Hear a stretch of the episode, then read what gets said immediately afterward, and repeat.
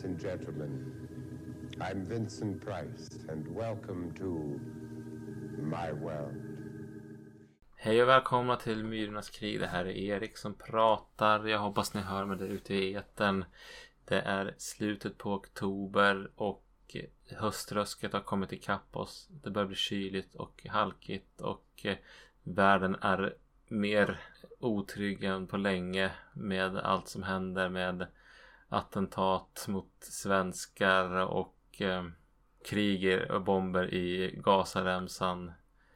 Ja, och eh, klimatet som är på väg åt fel håll. Och så sitter man här och försöker hålla i sig och greppa tag i någonting. Och kanske behöver vi lite mer trygghet i tillvaron. Man söker med ljus och lykta. Mm. Eh, en sån här trygg punkt har ju varit besökarna för mig om man ska prata om skräckfilm. Eh, men annars, ja men att lyssna på musik som jag lyssnade på, har lyssnat på i 30 år. Och bara lyssna på det igen är också någonting man kan återkomma till och känna att här är det, har jag kontroll. Här känner jag att det inte kommer några överraskningar. Mm. Och eh, The Wedding Singer, Fucking Åmål, ja men sådana där grejer. Det är som en, sånt där man kan snutta på. Har du någon snuttefilt sådär på rak arm? Ja, nu när du säger det. Jag tror att jag har nämnt i någon tidigare podd. Men om vi ska prata skräckfilm så är ju Alien-filmerna för mig sådana filmer som jag kan liksom bara ligga och mysa och götta mig till. Som jag har sett. Framförallt ettan och tvåan då. Men jag har ju sett ja, ja, mer gånger än jag kommer ihåg att räkna. Men det är en sån där, sådana filmer som jag alltid trivs att titta på även fast jag kan dem utan och innan vid det här laget. Annars på tal om snuttefiltar och det kändes som att vi berör lite nostalgi i den diskussionen också så Pappa köpte en ny bil nu, en skrotbil. Nej, skrotbil ska man inte säga, den är ganska fin. Men en lite mer rejälare, större bil som man ska ha när han har jobbat i skogen. Men av lite äldre modell. Och då hade han ju en CD i den bilen när vi åkte hem från stugan idag där det var liksom alla de här låtarna som vi hade på bilstereon när man var liten. Som jag, det var ett band som vi hade inspelat på då så jag tror när jag var liten reflekterade jag aldrig över vart det kom ifrån. Och det är ju skitdåliga låtar. Det var, jag tror skivan hette Absolute Love eller något sånt där. Oh. Men man har nött den där så sjukt många gånger när man var liten så att det var ändå det, det finns mycket stark nostalgisk koppling till de här låtarna. Även Brings det... you back to that safe place. Ja, precis.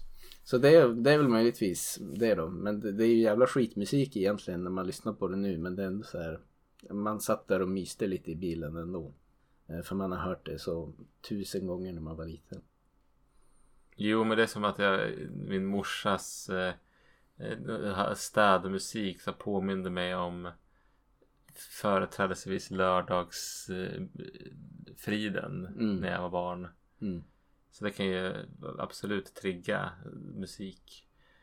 Ja, men snuttefiltar och snuttefiltar det, det kommer vi kanske in på senare för vi kommer prata mycket om Vincent Price och eh, idag är det på dagen 30 år sedan han dog. Mm.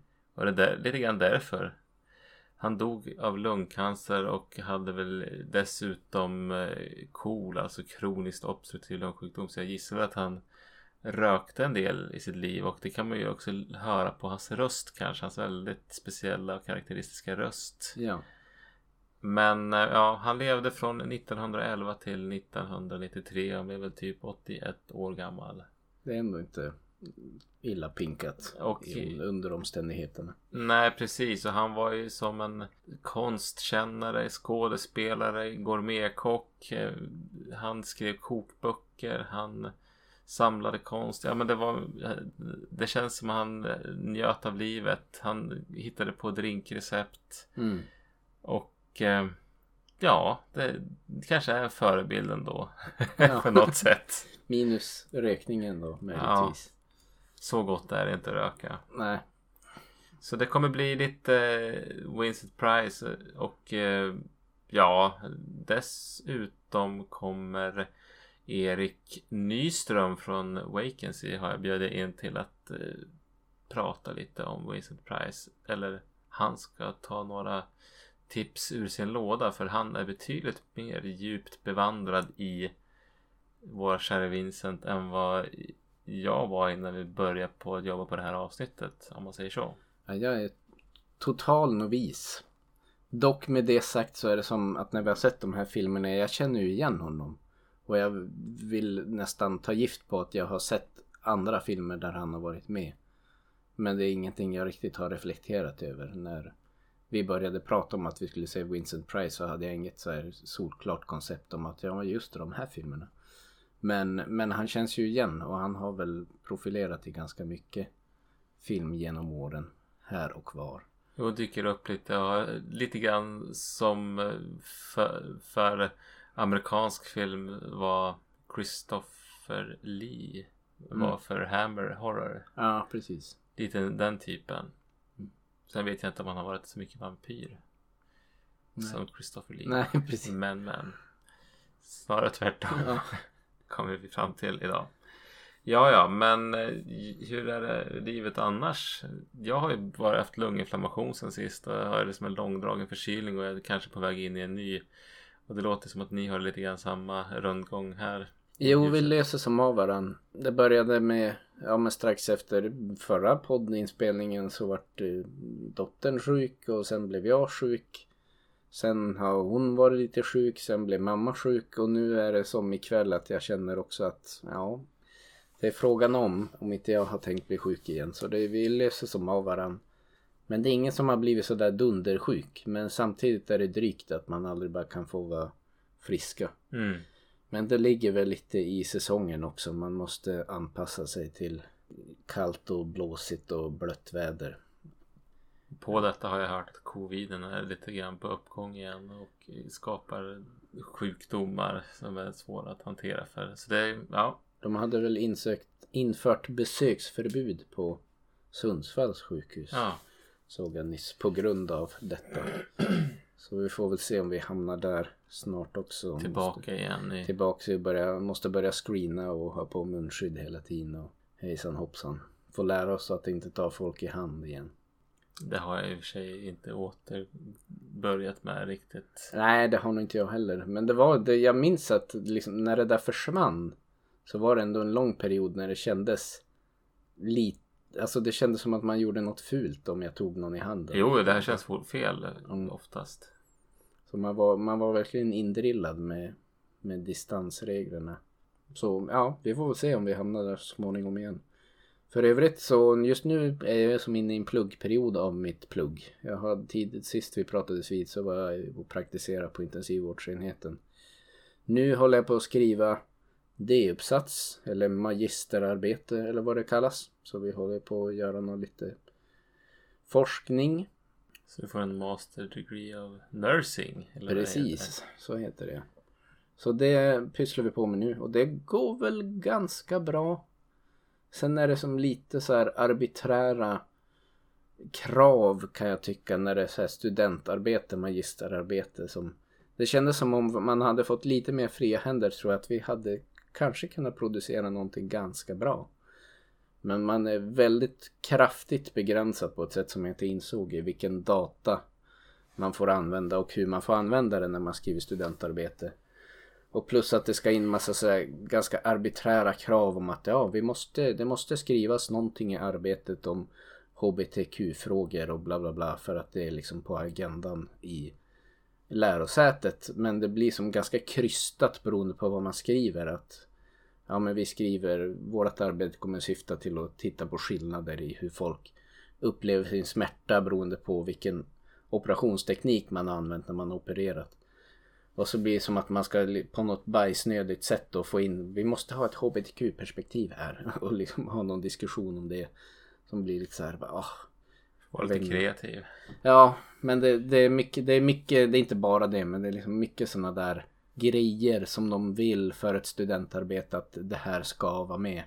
Spelar ingen roll vad du skriver om, spelar ingen roll om det har någon relevans för ämnet, utan det, det är liksom lärosätet som bara har bestämt att de här delarna måste vara med.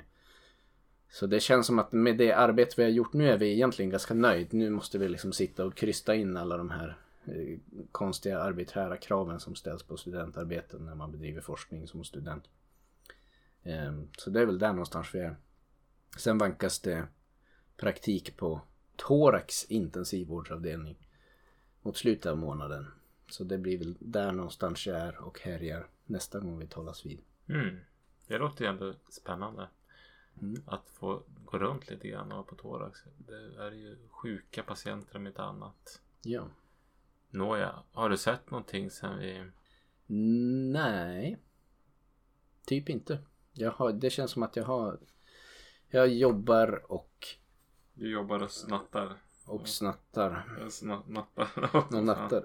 Jo nej, alltså det har varit min, min tv-tid brukade ju vara så här efter man hade nattat dottern vanligtvis. Men vi har haft en ganska lång period på sistone när nattningen är ett eh, ständigt problem. Så då blir det som hon, man får henne att somna typ vid tio och Då somnar du ungefär samtidigt. sen när man däckar man själv efter det. Så det, Så det blir inte en sån här äh, en skräckfilm varje dag i oktober. nej, inte riktigt. Har du hunnit se några filmer då?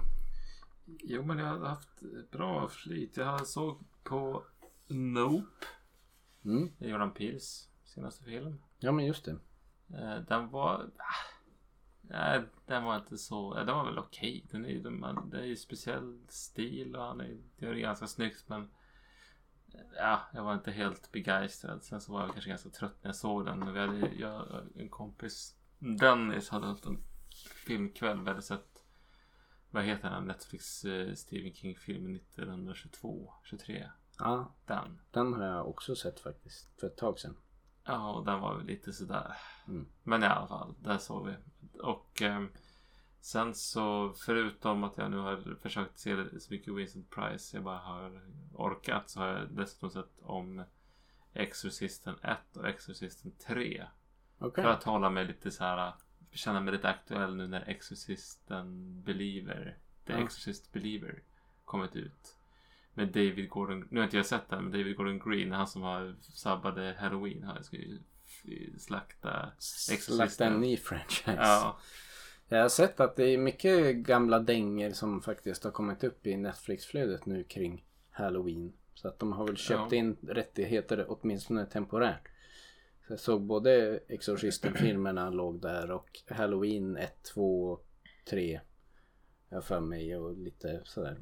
Nu är det ju filmer jag hade sett i stort sett alltihop men ändå för den som är intresserad och inte orkar köpa en massa gamla DVDer så ja Finns men? Exorcisten håller ju för en omtitt Exorcist 3 också faktiskt. Den, ja. båda ju, har ju sitt obehag och sin... Ja, de håller sig liksom lite grann annorlunda eftersom det händer så mycket annat än bara skräck i dem. Så det är som spännande att titta på. Mm. Det kändes som att jag avbröt det där. Nej, jag hade egentligen inget mer att säga. Ja, men ja, som sagt, jag, hade, jag såg också en del. Eller jag har sett en del Vincent Price. Men det kan vi ta när vi pratar om honom. Mm. Men det kanske börjar bli dags för att eh, hoppa på Hoppa på temat för kvällen. första filmen. Ja, om vi inte ska börja och snacka lite käk. Ja, just det. If I am feeling particularly ambitious, I make a real curry plus all the side dishes. Many curries are made with meats on the bone, but for my guests, I only want to serve small boys. I like to look around for some really exotic and very hot ones. That's the way my wife likes them. I then skin the boys and take all of the meat from the bone. The easy way is to stab them one at a time with a fork and heat them over a gas flame on the stove until the skin bursts. It then peels right off. Ja, men som sagt, Vincent Price är ju en kock av rang. Han dök gärna upp i olika program och lagade mat på underhållande sätt. Jag såg något klipp där han tillagade lax i en diskmaskin. Okej. Sådana grejer. Men eh, vi har, jag har Cooking Price Wise Mm. från 1971 som han skrev. Den, det finns någon ny utgåva som jag köpte på, för något år sedan. Och eh, nu har vi gjort, han samlar ju på sig recept från sina resor och det här är från en sardinsk gnocchi med eh, tomatsås. Som vi vegetariserade. Man ska ha bacon i det men det skippar jag. Vi rationaliserar bort baconet. Japp, då, så, så nu har vi gjort, eller jag, mest jag, men du har bidrag också med blod, svett och tårar. Gjort gnocchi för första gången. Ja, Jag rev lite ost och sen satt jag och hejade på tillsammans med min son. Som också ville vara med och titta på. Jo, det var just det, det var den där ungen ja. Mm. Men det blev som gott och sen så har vi avnjutit varsin Vincent Price New Fashion som ja, är en sorts, jag kan ju, det är som en dash av angostura bitter med någon tesked socker Mm. och eh, kanske 5-6 centiliter kanadensisk whisky ska det vara men jag tog en söt rågwhisky som var det närmaste jag kom, hade. Och eh, lite cocktailbär och eh, lite bubbelvatten. Den var godast i början. Det var som, det, det är lite av en smuttardrink. Men jag blev lite trött på den mot slutet om jag ska ge en ärlig recension. Ja men det är som att eller, på ett, alltså, jag, jag har provat den tidigare och då gjorde jag inte lika mycket bubbelvatten och då blev det som så nästan för stark, för mycket väska. Ja. Eh, Så nu vart det lite mer utdraget istället. Men jag tycker, ja men det är en smuttardrink. Jag tänker Mad Men. Jag får ju den feelingen. Så här, Mm. eller eh, Revolutionary Road, vad heter den? Alltså den, den tidseran. Mm. Så det, ja men mm, både ris och ros på drinken. Maten tyckte jag faktiskt var väldigt god. Om jag skulle beskriva det på något sätt, men då låter det så jävla mycket sämre än vad det var. Men det kändes ju lite som en liten upphottad version av Klimp med typ tomatsås. Men eh, det låter ju skitäckligt när jag bara beskriver det på det viset. Man Men ser- det var faktiskt ganska gott. Ja, Klimp är väl bara mjöl va? Ja. ja här var ju potatis Mm, också. mm. Men eh, ja, så det är nära kroppkakor eller palt, den, den branschen. Men på italienskt vis. Med tomatsås då och vitlök och lite riven ost. Inte så mycket smör. Nej. Nåja.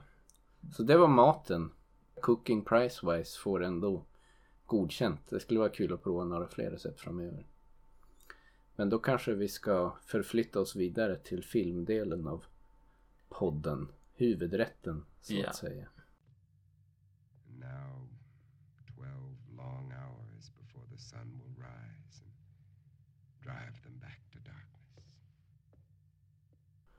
Den första filmen vi har sett för kvällen då är The Last Man of Earth i regi av Obaldo Ragona. Säger mig inte så mycket. Men eh, inspelad i Italien i alla fall. Med då Vincent Price i huvudrollen.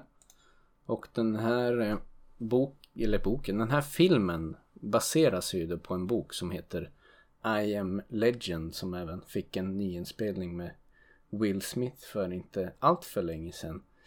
Någon gång 2008, 9, 10 där någonstans skulle jag tro. Jag såg den inte, ska man se den? Absolut inte. Däremot boken har jag faktiskt läst och den kan nog ändå vara väl värd besväret. Men om vi ska ta en liten snabb synopsis för filmen då så får vi följa Vincent Price karaktär Dr.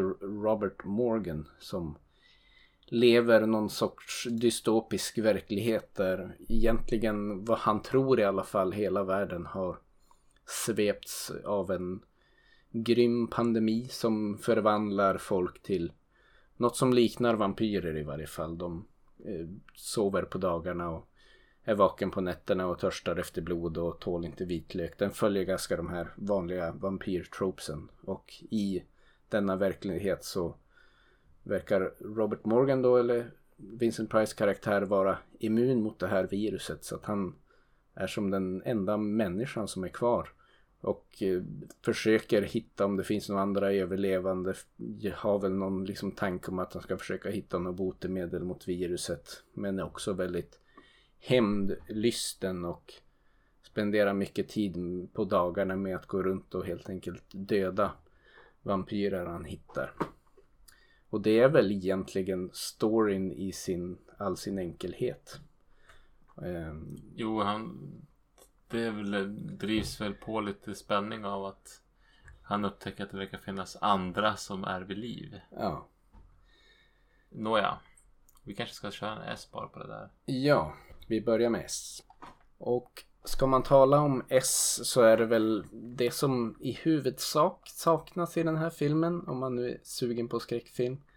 Lite spänning bjuds det på men det är ganska segt. Det är inte så otäckt. Det är som hotet utifrån men det blir ju aldrig otäckt skrämmande. Att det är hotet från de här vampyrerna. Ja. Det blir ju lite spännande när han upptäcker att det verkar finnas några andra som är vid liv. Men det kommer ganska sent. Det är en ganska lång sekvens i början där man lite grann bara får följa hans vardagliga rutin av att gömma sig på natten och jaga vampyrer på dagen. Och sen är det en lång, lång tillbakablick som känns lite onödig. Som tar bort spänningen en del. Ja. Men det kanske är B. Vi hoppar dit. Ja, vi tar väl och hoppar till B direkt. Det känns som att det är där det finns kanske lite mer att säga. Varav delvis jag redan berört. Men Jo, det är ju bygger på en bok och det märks. Men den är liksom funderar ganska mycket på tillvaron för honom som ensam där. Han hankar sig fram dag ut och dag in. Vincent Price och eh, han klarar sig väl. Men det är inte så mycket mer än så. Han, man får höra honom, hans inre monolog. ja. Där han reflekterar över hur tråkigt och mycket han, hur mycket han saknar det gamla livet och de han kände. ja, det känns som att man hade kunnat göra mer manusmässigt här med särskilt den här lite spännande spåret som kommer mot slutet. Då han upptäcker att det verkar finnas någon eller några eller någonting annat som i alla fall är vid liv. De flesta som han stöter på vampyrer är ju som väldigt lågintelligenta varelser om man säger så. De är mer som djur nästan. Men då märker han att det verkar finnas folk i den här stan som har lite mer hästar hemma så att säga. Så då tänker han att det måste finnas andra överlevare. Och börjar liksom nysta i det. Men det kommer ju tyvärr på slutet. Och då blir det lite förhastat istället. det blir lite förhastat och som sagt den här tillbakablicken jag påtalade den kändes väldigt onödig. Om man hade fyllt den speltiden med mer nystan i det här mysteriet. Vilka är de andra som lever? Vad vill de?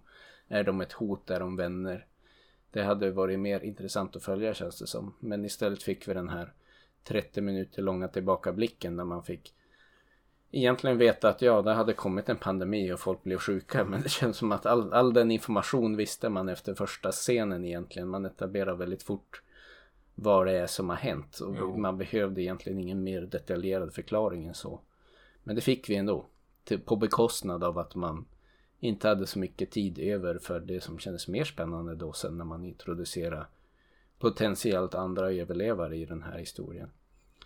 Så tyvärr blir det ju som, även om jag gillar Vincent Price i filmen så så blir det lite trögt på något vis ändå.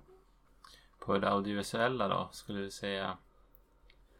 Det är ju inte färgsprakande för det är en svartvit film och det är inte mycket musik heller. Nej, om man nu ska ge dem någon cred. Man får ju känslan av att det här är en kanske inte jättehög budgetfilm. Den är ju filmad i en stadsmiljö. Och eh, jag tror inte att de hade liksom budget att stänga ner stan. Men de har ändå varit ganska fiffiga tror jag och selektiva med deras kameravinklar. Så att man gör ändå ett bra jobb i att skapa illusionen av en övergiven storstad. Ja, jag tycker den är, det är som en, man- får en känsla för det här, den här världen verkligen. Mm.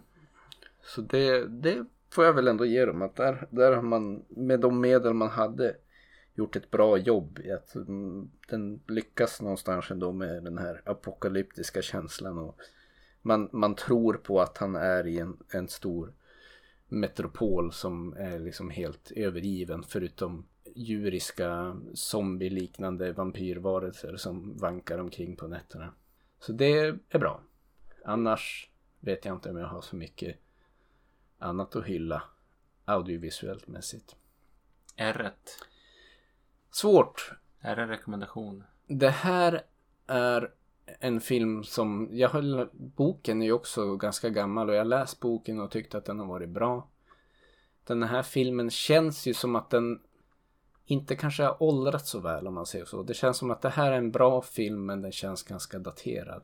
Det inte... På en del sätt daterad tycker jag att den känns ganska så modern. I alla fall i inledningsbiten. Att det, fun- det, det tycker jag funkar riktigt bra. Ja. När man liksom får följa hans rutin och sådär. Sen så är det ju liksom det, det snubblar lite på den här tillbakablicken som var för lång. Och lite för mycket berättade samma sak. Jo, och det finns ju någonting spännande och fräscht tycker jag i den här berättelsen. Där den jobbar ju också med att lite grann att vända på perspektiven. Och vem är egentligen monstret? Är det, är det monstren som vankar runt på stan eller är det är det han som har ihjäl dem? han som har ihjäl dem som är det faktiska monstret? Och det är ju mycket det de jobbar med i boken. Den är ganska filosofisk så. Och jag tror att det känns som något ganska intressant. Men det kanske var mer revolutionerande och intressant då än det är nu. Det, sen dess känns det väl som att det har kommit mer filmer som jobbar lite där med vända på perspektiven och hejsan hoppsan. Så Ja, de kanske, mer, kanske inte riktigt etablerade den, den diskussionen på ett något så spännande sätt. Det var väl kanske där det föll på lite grann. ja, Men jag skulle ändå säga att jag skulle rekommendera den. Den går att se på Youtube. ja, den är ju lätt tillgänglig och var inte överdrivet lång. En drygt en och en halv. 1.26 eller något sånt där. Ja, Men, 1.20, 1.25. Ja, Helt klart. det, det är väl ändå en rekommendation. Sen har jag, jag har en svag punkt för boken så i första hand skulle jag rekommendera den. Om man har den tillgänglig. Och det är inte heller någon tung läsning. Den är en novell storlek, typ 120-130 sidor. Och den heter The Last... Nej, Den I Am heter Legend. I am legend, Just precis. Ja, men då kanske vi ska ta och hoppa vidare till nästa film. Ja.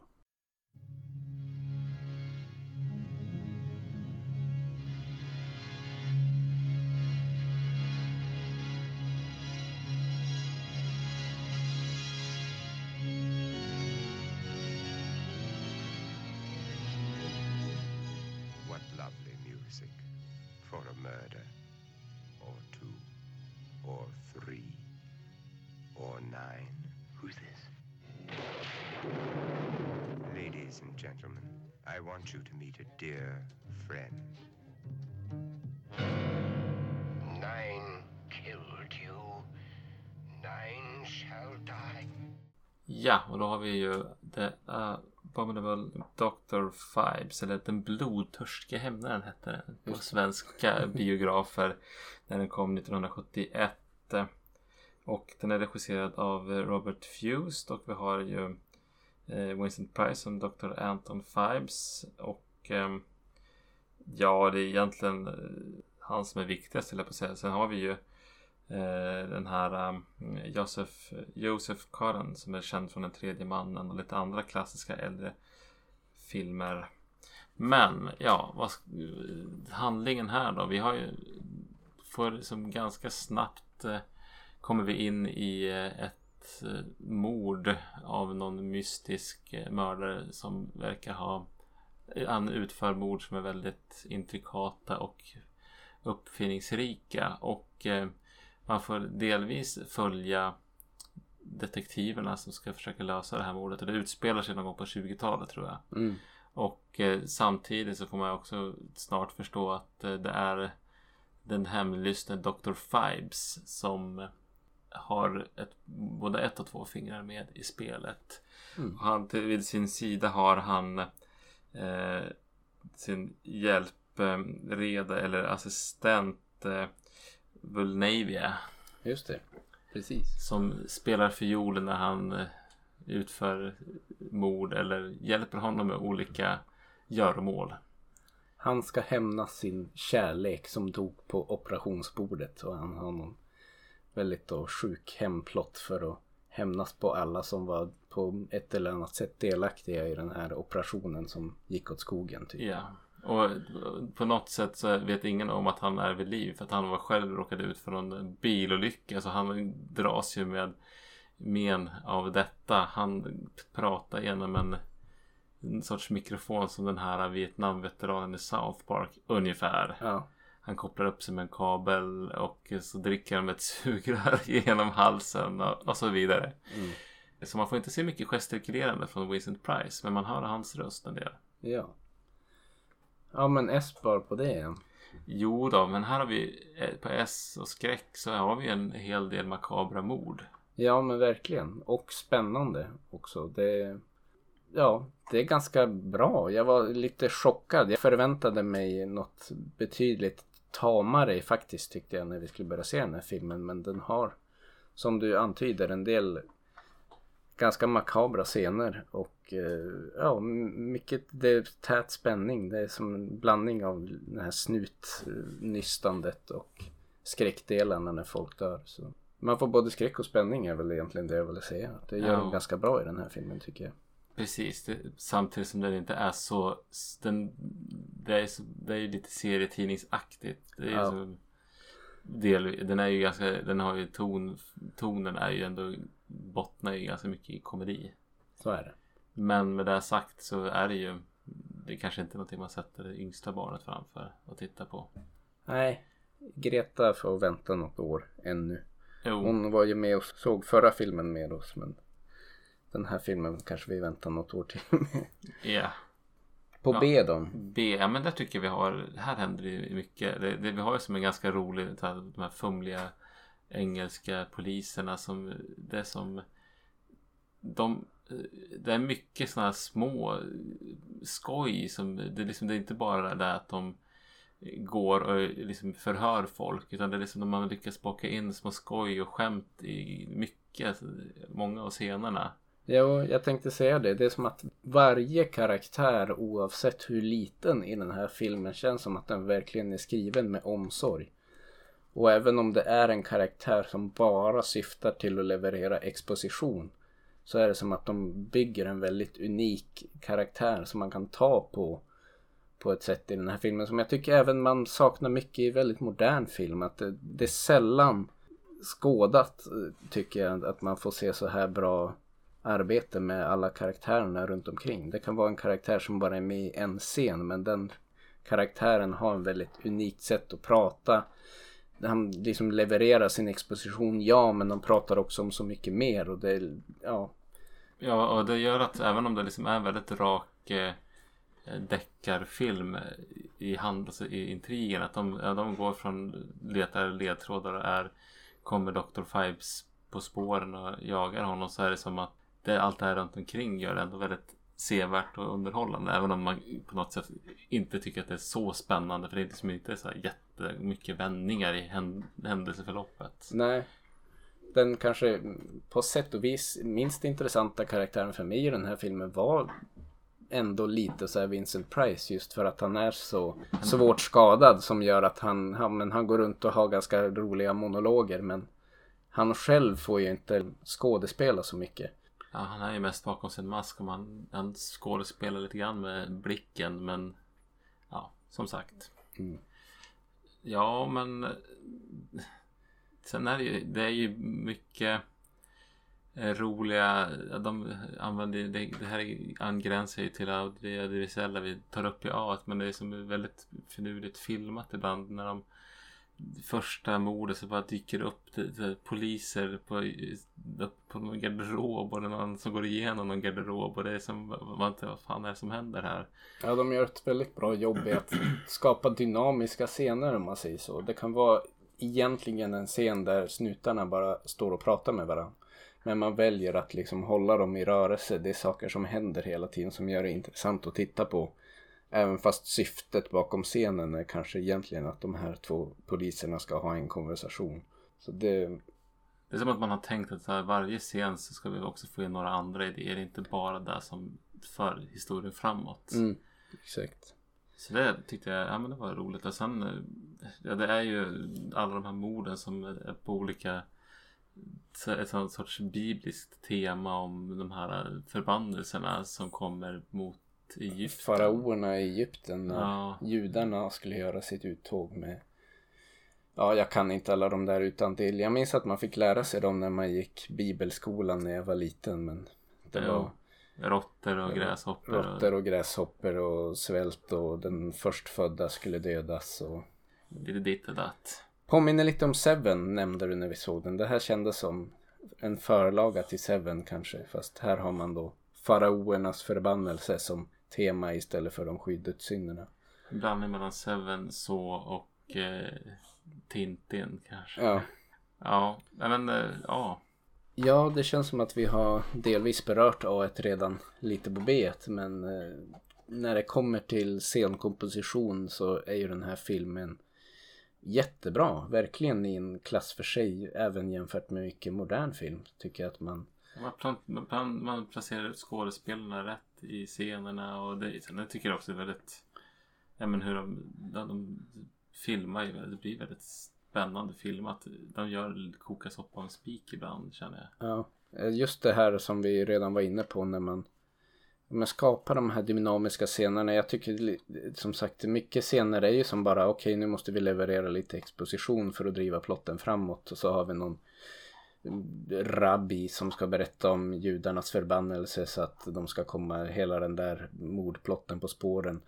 Men jag tycker i många moderna filmer man ser nu också då är det verkligen bara så här de står och pratar med varandra, han levererar sin exposition, scenen klar och så går man vidare till nästa. Men här har man verkligen eh, tagit eh, sig tid att skapa en intressant scen i varje scen och det är liksom mycket som händer förutom den expositionen eller det som nu ska levereras i scenen så det är mycket som händer runt omkring.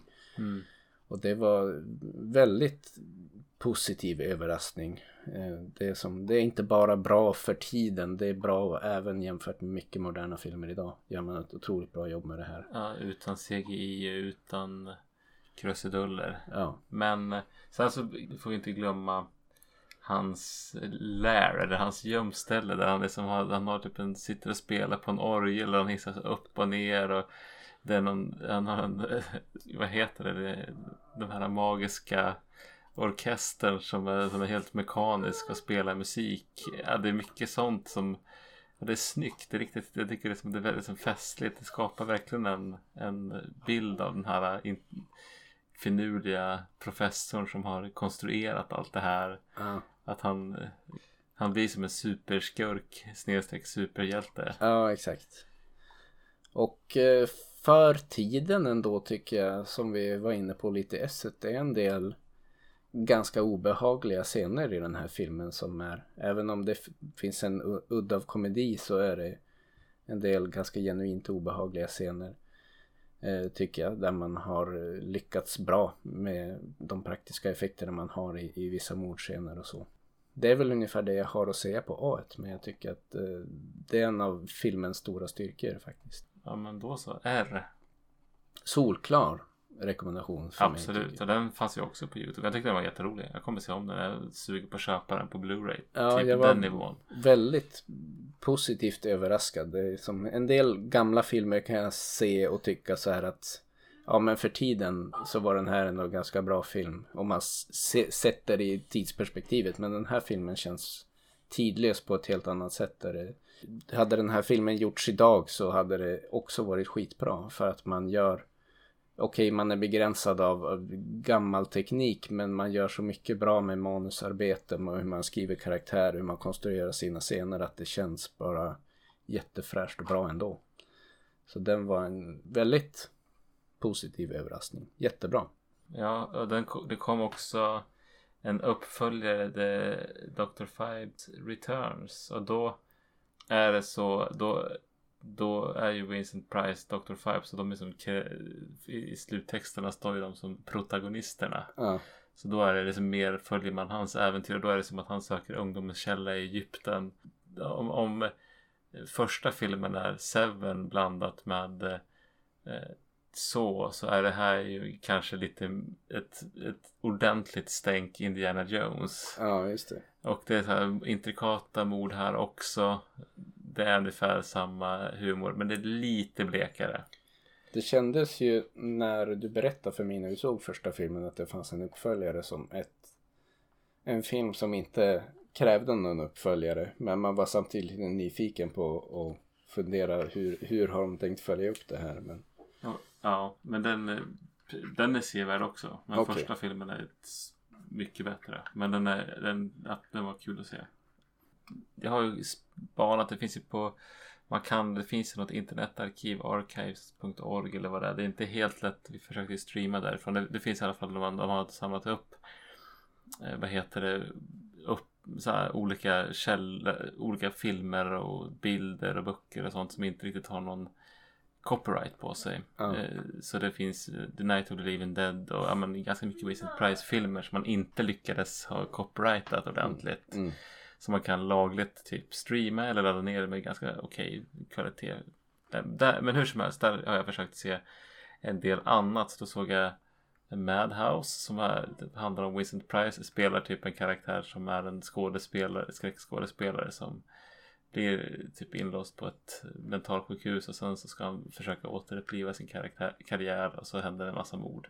Okej. Definitivt sevärd. Sen såg jag The Comedy of Terrors där han spelar en elak eh, begravningsentreprenör som är, det går dåligt för honom så han börjar mörda folk för att få kunder. ja.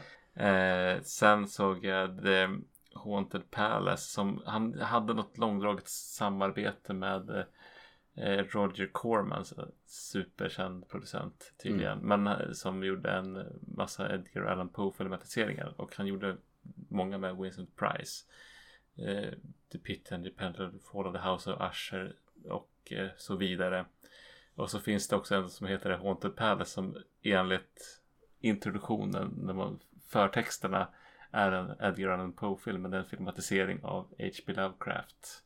Aha. Eh, ja, du kommer inte ihåg vilken det är, men det handlar alltså om någon som, de, han ärver ett, ett slott som någon ond förfader till honom har haft. Mm. Eh, Och eh, när han flyttar in dit så blir han som besatt av förfadern. Mm. Det här känns igen. Jag Som har lagt en förbannelse på byn där alla har här mutationer och allt möjligt skit. Ja. Nåja, den rätt, väldigt, rätt mysigt gotisk skräck. Ja. Men det finns mycket mer där jag känner att jag är sugen på mycket mer. Det är som en riktig snuttefilt det här. Vincent Price har lämnat mer smak. Ja men det är som någon sorts trygghet över, över honom. Mm. Men då kanske vi ska ta, när vi börjar liksom summera upp här så tänkte jag att vi tar som det brukar vara på sådana här mi- mindre festivaler så brukar man ju ta det absoluta dragplåstret sist. Så Ja. snart, nu kommer då Erik Nyström som ska ge oss en sorts um, topp tre och kanske lite andra tips. Vincent Price-filmer. Det låter bra. Without further ado. Ja men hej, här med oss har vi Erik, våran fadder från Vacancy och Skellefteå. Mm. Erik Nyström. Kul att Kul att få vara, eh, göra ett litet gästspel igen. Nu var det ganska länge sedan jag eh, dök upp senast. Men det är så här det brukar börja när jag är gästar i en podd. Jag dyker upp lite försiktigt, kan gå ett tag mellan gångerna. Men till slut så är jag en permanent Sen eh, fyller du ut medlem. någon annans plats. Det. Exakt, en body snatcher. Jo men visst, du har, har gjort samma sak gjorde du i Titta de snackar. Mm. Men ja, jag har, det här har jag inte pratat med Björn om så vi får väl se. Ja men hur är det med dig? Det är bra med mig. Jag är lite uppfylld av någon slags eh, organisatorisk trötthet. Som det blir när man jobbar i offentlig förvaltning. Eh, politisk styrd verksamhet. Att man kan bli salig av all dumhet. Väl lite, lite den känslan jag går in i eh, här nu. Så det är, eh, känns det skönt då att komma till det här? Eller känns det som ett ur askan in i elden? Att få ägna sig åt att småprata om Vincent Price är väl kanske det bästa som kunde hända mig just nu. Bra, då känns det mycket bra att du är här då. Eh, Mm. Hur eh, skulle du säga att eh, när upptäckte du Vincent Price när du pratar om honom? Ungefär i samma veva som jag började samla på film, på DVD-film och jag visste ju ganska snabbt att det var ju skräck som var mitt specialintresse. Eh, och jag började eh, googla, kanske man gjorde redan då, men det här var ju Googles vagga. Att eh, men vilka är de stora klassikerna som jag inte har sett? Vad finns det för nischer? Vad finns det för legender? Och ganska snabbt dök ju Vincent Price upp. Han var inte där när jag såg eh, eh skräckfilm under tonåren egentligen. Jag hade ingen relation till Edward Scissorhands som många andra har. Utan någonstans där dök han upp och jag blev varse de här eh, Corman-filmerna och eh, Witchfinder General såklart. Och, och, de, att jag där började förstå att det här var en sån här gammal skräckikon. Och jag har alltid gillat att göra de här lite arkeologiska djupdykningarna. Så för typ någonstans runt för 20 år sedan började jag hålla koll på vilka som, utgåvor som fanns. Jag köpte mycket, jag såg mycket. Och eh, lärde mig ju älska den här eh, det, jag skulle vilja beskriva honom som någon som kan vara skör med pondus. Ehm, den här farbrorn. Och att han, eh, jag har alltid gillat de väldigt klassiska skräckfilmerna. Hammer, Universal, liknande. Och på något vis så gled han ju in mellan dem. Men är på något vis en del av, av allt. Så jag har en ganska lång eh, historik med Vincent Price. Men jag ska väl även villigt erkänna att de senaste dryga tio åren är det ingen jag ägnat supermycket kärlek.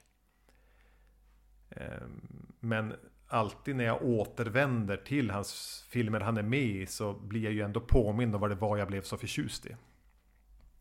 Och det är hans eh, sköra pondus, eller pondus med skörhet.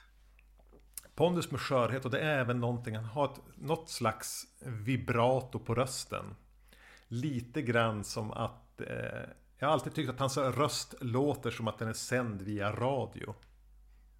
Det är jo. någonting, någon, något slags knarr i den, är det inte det? Ja men lite som cigarettrökt lite grann. Att man har rökt, jag vet inte om ja. man har rökt väldigt mycket cigaretter men det är något sån här eh, Jag vet inte om den här typen av människor finns kvar men den här kvinnor som har alltså, rökt cigarett väldigt mycket nu börjar de de har rökt från tonåren fram tills de är 67 och ett halvt nu och så pratar de och sen ja, men lite den här de nästan hostar ja. förstår du? Jag, jag har en väldigt stark bild framför mig nu och jag är fördomsfull jag kanske stöter på de här i mitt jobb oftare än vad du gör men det är någonting väldigt betryggande med det. Ett, ett, ett tryggt knarr där. Så. Jag tycker också att jag har, han har någon sorts eh, jag, mysfarbrors utstrålning. Det är som vi gör de här otäcka filmerna men det är inte så farligt ändå. Glimten i ögat. Han, det finns alltid en glimt där. Det finns en liten distans. Alltså en distans som skapar en trygghet. Snarare än en distans som gör det nödvändigtvis camp. Eller att, att han ser ner på det. För han har ju ändå gått in för alla de här B-filmerna, C-filmerna han har gjort. Ehm, trots att han någonstans startade som en seriös skådespelare som verkligen ville men kanske bli den nya stora eh, Clark Gable eller liknande. Men lyckades växla ner och verkligen eh, även vara stolt över allt han har gjort. För han har ju inte gått in i det med en föraktfull eh, hämta lönechecken inställning utan ja, till viss del kanske. Men jag upplever ändå att det har funnits där att han, han bryr sig om det han gör. Och han är stolt över de filmer han har gjort. För jag vill tro att när han på ålderns höst ändå kunde blicka tillbaka på en serie filmer som han eh, där han var stolt över en, eh, vad som många skulle klassa som schlock.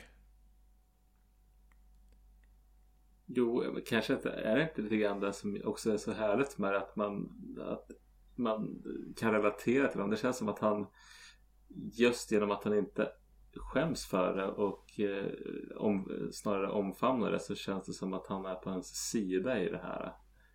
Ja. Eh, att det inte bara ja, men att han är liksom en i laget av skräckfilmsnördar. Mm. Eller våran mm. vän i och med det. Skräckfilmsfarfar. Eh, Jo men han på något vis också Ehm, ja men om man tänker eh, skräck, amerikanska skräckfilmsikoner eller egentligen skräckfilmsikoner överlag som hör till den svunna eran.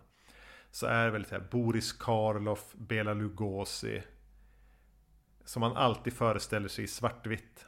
Det känns konstigt att se dem i färg. Medan Vincent Price kan jag se både i färg och i svartvitt. Han var på något vis någon som tog vid och höll, över lång tid eh, var en, en av de första stora ikonerna. Som inte heller hade den här, eh, men, Boris Karloff hade, kunde ju ha en liten snorkig attityd. Och Bela Lugosi var ju eh, en vandrande katastrof eh, som människa. Utan att, att Price sällade sig väl mer till, till då, alltså Christopher Lee, Peter Cushing-gänget. Eh, utan att ha den där brittiska Shakespeare skådis eh, touchen. Han var lite, kanske lite mer, eh, vad ska man säga, lite mer eh, skitig i kanten. Ja. På något vis, ja. Och på något vis kanske en, en lite sämre skådis. får jag säga det nu? Ja, men, i det här sammanhanget. Det kan man väl. Jag har sett någon, jag såg eh, fan heter den? Comedy of Terrors. Och där är det ju haltar det. Ja, där briljerar han ju inte. Eh. Men, eh, nej, men han, han var inte någon mästare. Peter Cushing skulle ju, han, han slår ju Vincent Price på fingrarna vilken dag som helst i veckan. Nästan. Mm. Men eh, ja, vad säger du? Jag, jag bad dig ju att eh, göra en topplista.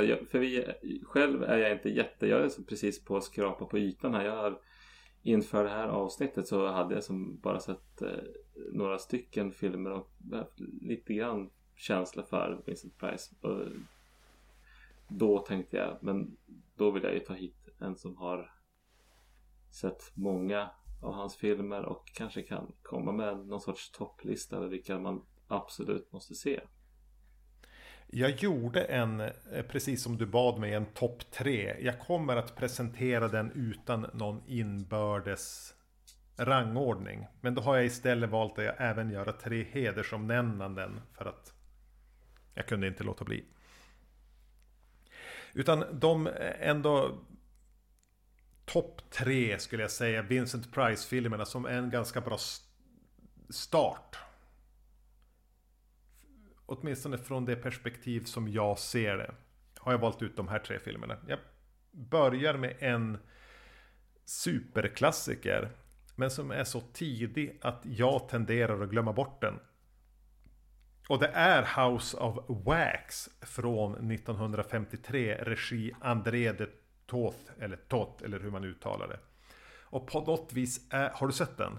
Nej, faktiskt inte. Det här är ju en av dem som jag skulle vilja få tag i. Att se. Mm. Den är på något vis någonstans här allt började. Eh, där Price är lite grann av den här den rättfärdige hämnaren.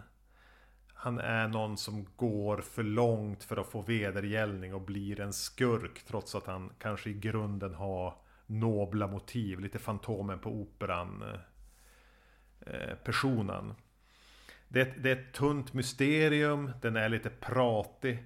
Men den är en ganska underskattad grundplåt i den moderna skräckfilmen. Alltså, dels blir den lite en brygga mellan Universal och Hammer.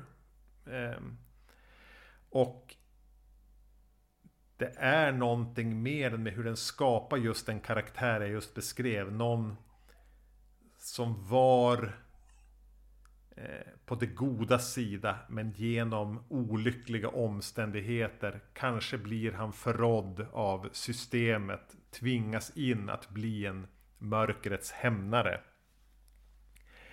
Eh, och det är någonstans redan här som Price ganska elegant bara hitta rätt anslag i skräckfilm. Den typ av skräck han som på något vis har kommit att personifiera. Han är otroligt bra i den. Eh, och den är ju en, en tidig skräckpris. Och vad, vad kommer vaxet in i det här då? Han är ju en föreståndare för ett vaxmuseum som eh, råkar ut för en olycka, blir vanställd och eh, tar hämnd på sin omgivning. Och börjar ju göra vaxdockor med hjälp av riktiga människor som han doppar i vax. Det låter lite som Bucket of Blood. Ja, det är lite den... den Fast det, eh, alltså just det, det motivet. Sen så är det kanske inte så han filmen i största allmänhet. Men just att stackars människor råkar illa ut för konsten. Ja, det är som att man fuskar i konst genom att... eh, Alltså med, med, med hjälp av eh, människoblod. Eh, det är ju en... Den utspelar sig typ på 1800-talet och är så ganska pratigt melodram. Men... Eh, så den, den känns ju verkligen som att den har glidit in någonstans mellan en Universal-skräckis och en Hammer-film. Eh, Men den är ju i färg. Mhm. Och vet du vem som spelar hans... Vi kan kalla det för hans Igor här. Det är Charles Bronson. Jaha. Ja men Så du får även en det... ung... Ja, en, en, en så drygt 30 år gammal Charles Bronson. Med, som, som får vara lite thug. Men det låter ju jättetrevligt. Säga någonting. Prata om. Minns inte, men gör han det så är det ytterst, ytterst smalsmakat. Man kan, jag har sett, som har sett en del så här filmer från 50-talet, både ja, men exempelvis den här, men även en del så lite skräpigare noir-filmer. Så har, ha, ha han dykt upp ibland, Charles Bronson. Som liksom Thug number two. Och liknande. Med sen, så helikopterplattestubb, ett linne och en eh, musklig överkropp. Så jag tänker att han var en sån som fick en del roller. Bara för att han var en av de få som hängde på gym på 50-talet. Ja, Just det, det är lite som eh, när man, jag såg Sylvester Stallone dyka upp i någon Woody Allen-film. Från tidigt 70-tal. Eller 70-talet. Ja. Ja. men lite samma. Innan han, Lite, bara för att han hankar sig fram liksom. det är egentligen ingen dålig parallell mellan Stallone och Bronson. Alltså personer som kanske dök, fick plats i rampljuset för att de hade en eh, mycket bröstmuskler och biceps. Men som ändå har bara någonting i hur de ser ut i sin persona som gör dem till rätt okej skådisar också. Jo. Ja, men, men, men House of Wax som sagt var, det är ingen dum s- startpunkt om man är intresserad av Vincent Price och skräck. Ehm, jag kommer att göra det här en gång till, men jag gör det första gången nu. Jag passar på att flagga för att vi har pratat om den här då på Vacancy. Och det var redan i avsnitt 72, där vi pratade om den och om remaken som kom 2005. Med bland andra Paris Hilton i en av rollerna. nu, det där låter faktiskt bekant. Jag tror att det så första gången jag hörde talas om House of Wax. Ja. Där tror jag, så pass allmänbildad är jag. Men, men, men det är så, så länge sedan vi spelade in det avsnittet, det måste bara vara tio år sedan, att jag kan inte ge ett rättvist uttalande om den remaken, annat än att jag ändå är, tycker att den är lite kul. Så jag tror inte den är bortkastad tid heller. Men mycket reservation här, för att det var länge sedan jag såg den. Ja, Men den kan eventuellt vara lite kul. då är det värt att kolla upp den Ehm. också då. Ja. Eh, Gör det. För tusan. Eh, Man kan inte prata om Vincent Price utan att prata om den här ikoniska sviten filmer han gjorde med Roger Corman som var ofta jordade i eh, Edgar Allan Poe berättelser. Eh, och den jag nog ändå tycker är bäst av dem och som ju då även blir lite aktuellt är The Fall of the House of Usher från 1960 som är den första i den sviten filmer. Är den någon av dem du hunnit se? Jag är jävligt sugen på att se den. Men när jag såg ju på den här Edgar Allan Poe-filmen som inte var Edgar Allan Poe utan H.P. Lovecraft. Vad heter den nu? Haunted Palace. Haunted Palace ja. ja. Har jag jobbat lite på. Men ja, i den eran. Mm. Nej, men eh, jag har inte läst eh, förlagan här. Kanske, kanske kommer jag hinna göra det under mina dagar. Men anledningen att jag nämner att den är aktuell är att det kommer ju någon net, Netflix-satsning nu av han Mike Flanagan. Som gjorde eh, Haunting of Hill House. Har ju nu gjort eh, Fall of the House of Usher. Och om jag inte är helt fel ute så när det här avsnittet släpps så har den funnits ute i åtminstone en vecka, kanske två. Oj då. Så, så den, den kommer jag att se i alla fall. Ja men det, det var jag tvungen att göra den så får vi se. Han är ju en hantverkare, Mike Flanagan. Sen så blandar och ger men det verkar som att han ändå är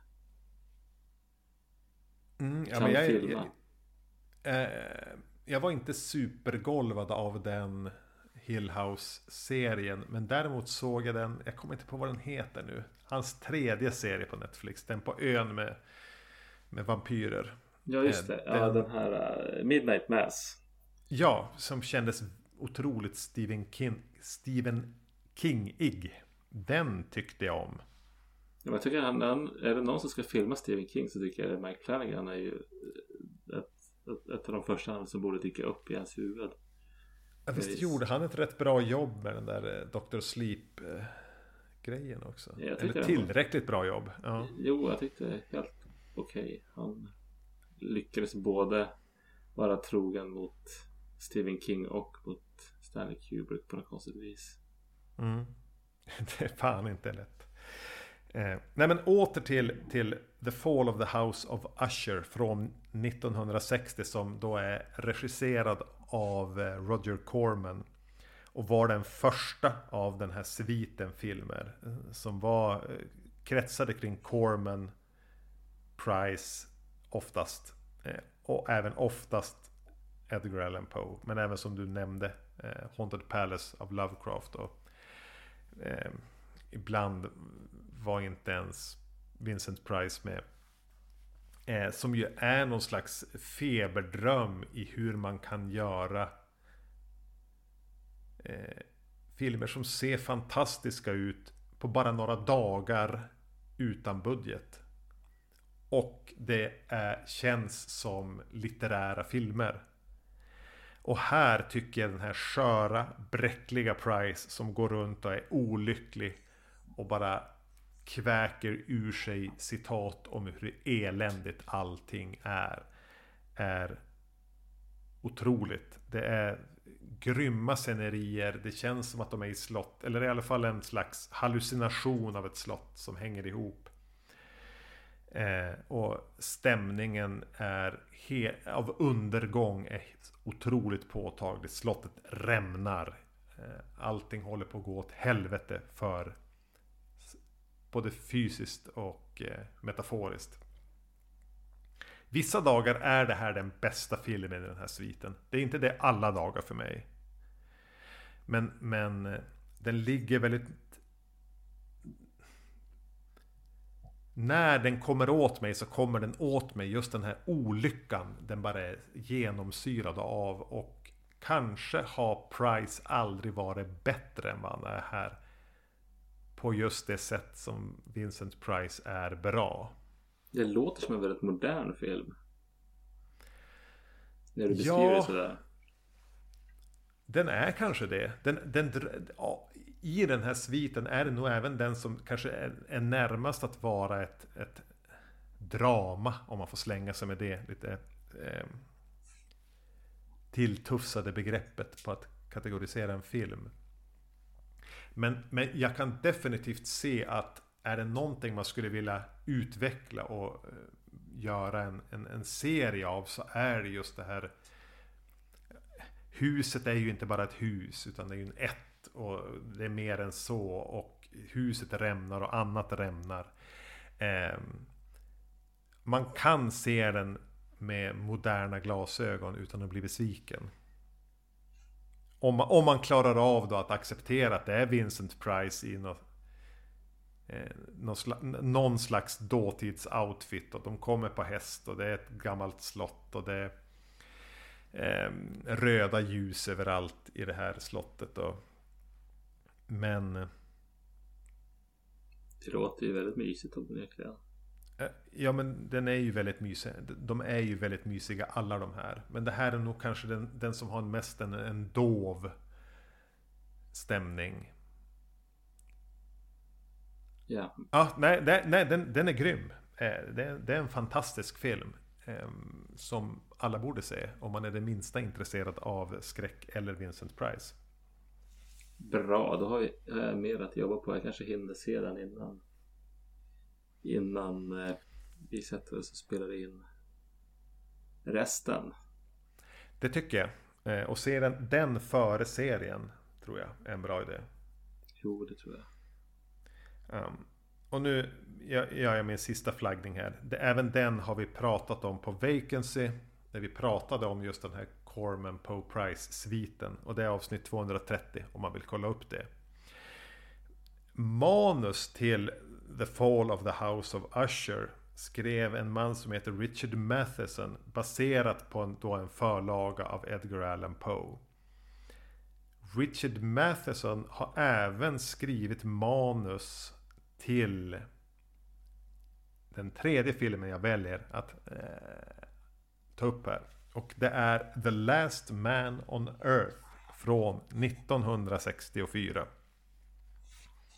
Har du hunnit dit? Den har vi tänkt prata lite mer om i podden. Och har, jag började se på den och den börjar ju väldigt bra. Jag har sett mm. tio minuter på den. Mm. Men den känns eh, lovande, minst sagt.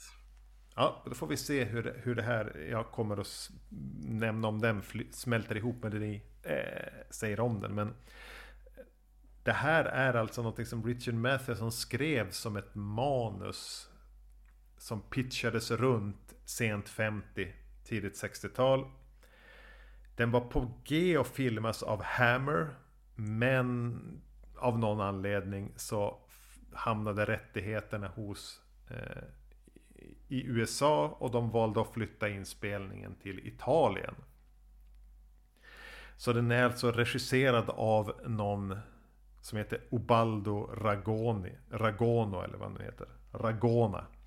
Och även någon amerikan har varit in då där eftersom det är lite dialog på engelska så behöver man ofta två regissörer.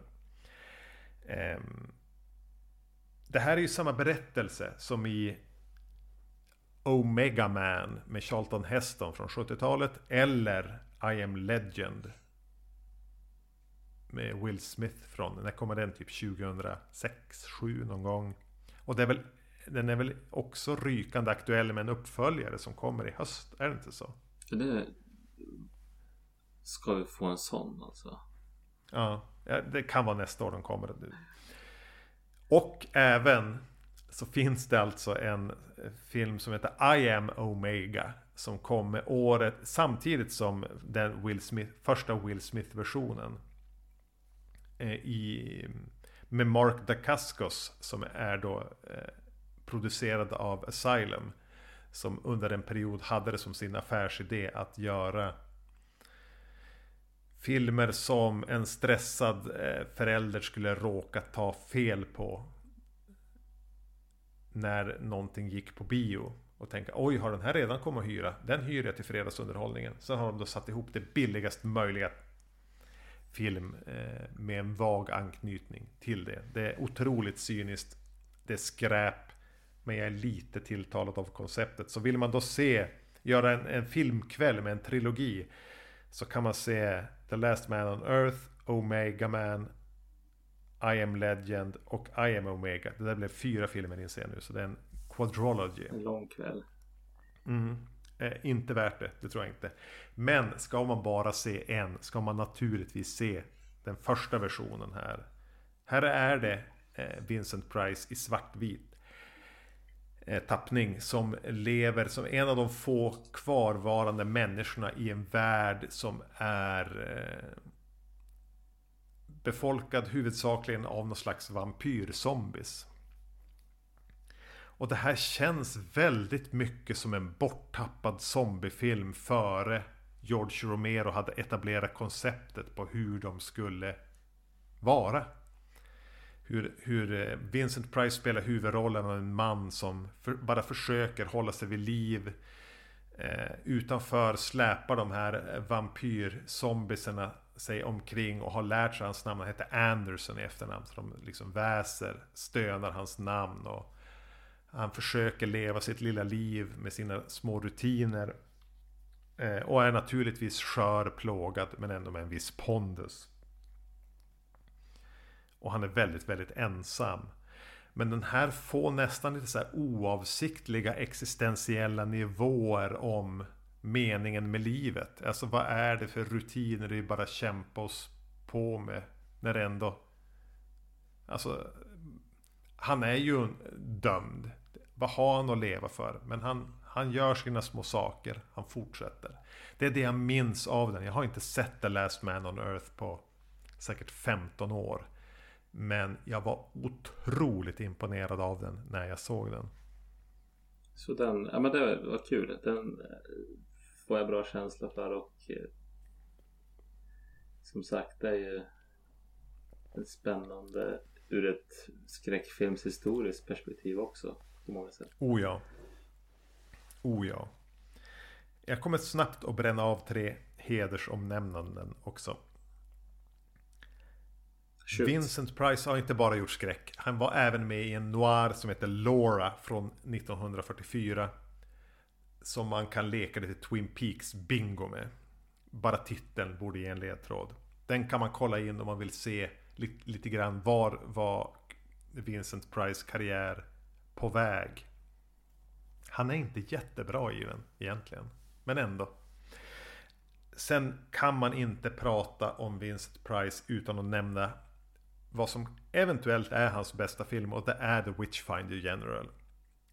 Som var långt före sin tid 1968. Om, eller och, och, kanske en av de allra bästa så här, hämndfilmerna som finns. Rape Revenge-filmerna. Som verkligen på all, tar på allvar det här med hur meningslös hämnd är. Eh, grym film. Och då vill jag följa upp den med The Oblong Box från 1969. Som jag inte heller har sett på säkert 15 år. Som påbörjades av Michael Reeves som gjorde Witchfinder General. Men han var, han var ung men han hade mycket ohälsa och han dog kort därpå. I någon oavsiktlig överdos. Men han lämnade projektet eller fick kicken. Men de gick vidare med annan regissör och gjorde den då. Och det är även en film som i grunden är baserad på en Poe-berättelse. Men en märklig soppa som jag vet att jag förs försökte red berätta för en kompis just efter att jag hade sett den. Och, och den är mycket märklig att bara haka på. Dessutom är Christopher Lee med i den. Så den är värd ett hedersomnämnande och den är definitivt värd att jag återvänder till den och ser om den. Och då kanske jag mycket möjligt tycker den är skräp. Men The Oblong Box från 1969 kan man också någonstans lägga på minnet. The Oblong Box. Ja, det har kommit många spännande. The Witchfinder General kommer jag ju se. Kanske inte innan vi spelar in, men The Oblong Box. Ja, den kanske hamnar lite längre på att göra-listan. Men... Ja, det är ingen eh, nödvändighet. Men den har någonting i sin... Eh, jag minns den som väldigt rörig.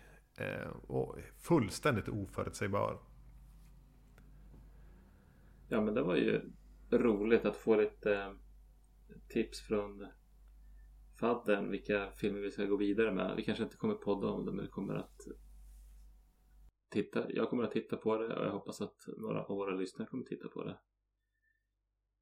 Ja, men vad kan man höra det i vanliga fall? Det har vi sagt några gånger nu, men det tål att upprepa.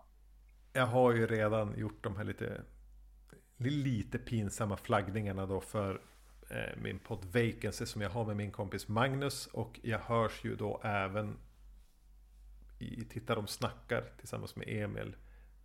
Som väl inte är en renodlad skräckfilmspodd utan eh, är någon, eh, no, någonting annat helt enkelt. Ja, men eh, och du berättade att du hade varit på The Exorcist Believer. Mm. Den kommer ett avsnitt på Titta de snackar om allt går som det är tänkt. Eh, lagom till Halloween. Ja, just det. Där har ni förstås inte spelat in än då eftersom du var på bio idag. Exakt, vi spelar in det imorgon. Eh, och, och, bara för att få någon slags liten eh, tidskapselkänsla här så kommer vi i anslutning till det även att spela in ett avsnitt för Vacancy med eh, Urban Legend trilogin. Om man då verkligen ska tänja på begreppet trilogi. I samma seans? Ja, vi kommer att göra en paus däremellan. För det, det, tydligen är det ju två olika poddar det här. Men det kommer, kommer att vara samma skådespelare. Samma röster som hörs. Det låter trevligt. Ja. Ja men eh, då ska jag väl tacka så mycket för att du gav oss detta och tog dig tid. Mm. Så hoppas jag att du kan komma och vara med på live någon gång som det var tänkt från början. Absolut, absolut. Jag tycker sånt här är jättekul. Ehm, så vi hittar säkert en anledning att jag ska fortsätta eh, låta mina tentakler slingra sig in även i den här podden. Jag ska hitta ett, en bra, ett bra skäl. Ska du se. Mm. Mm. Tack. Oj. Tack för att jag fick eh, delta. Hej hej. Men det var alltså Erik Nyströms lite sammanfattning om topp tre Vincent Price. Det fanns som sagt mycket mer där och vi, vi har bara skrapat på ytan men vi är sugen på mer som sagt. Det men... blir ett lång, långt avsnitt så det är dags att avsluta. Hade du någonting mer att säga? Nej, jag tänker att nu är det dags att blicka framåt. Och mm. nästa har vi november månad och sen har vi jul. Ja, så vi ska klämma in en liten utlandsresa så vi får lite Ja, det feeling. började vara ett tag sedan. Nigeria var väl sist men den var ju som den var lite som den var. det var ett väldigt speciellt resmål. Men eh, vi får väl, det kanske blir mer etablerat. Vi har faktiskt inte Vi har inte spikat något. resan men vi har väl lite dryftat Mexiko kanske.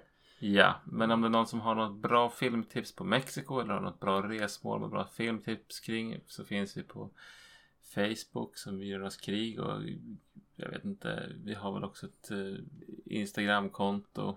Ja. Och ditt och datt. Det är inte så svårt att nå oss.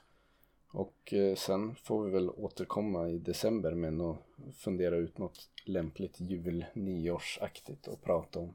Jo. Men det blir framtida Det är lättare sak än jordresa. Ja. Och till dess så får ni väl hålla till godo med detta avsnitt så önskar vi godnatt och sov gott. Så hörs vi snart igen. Hej då!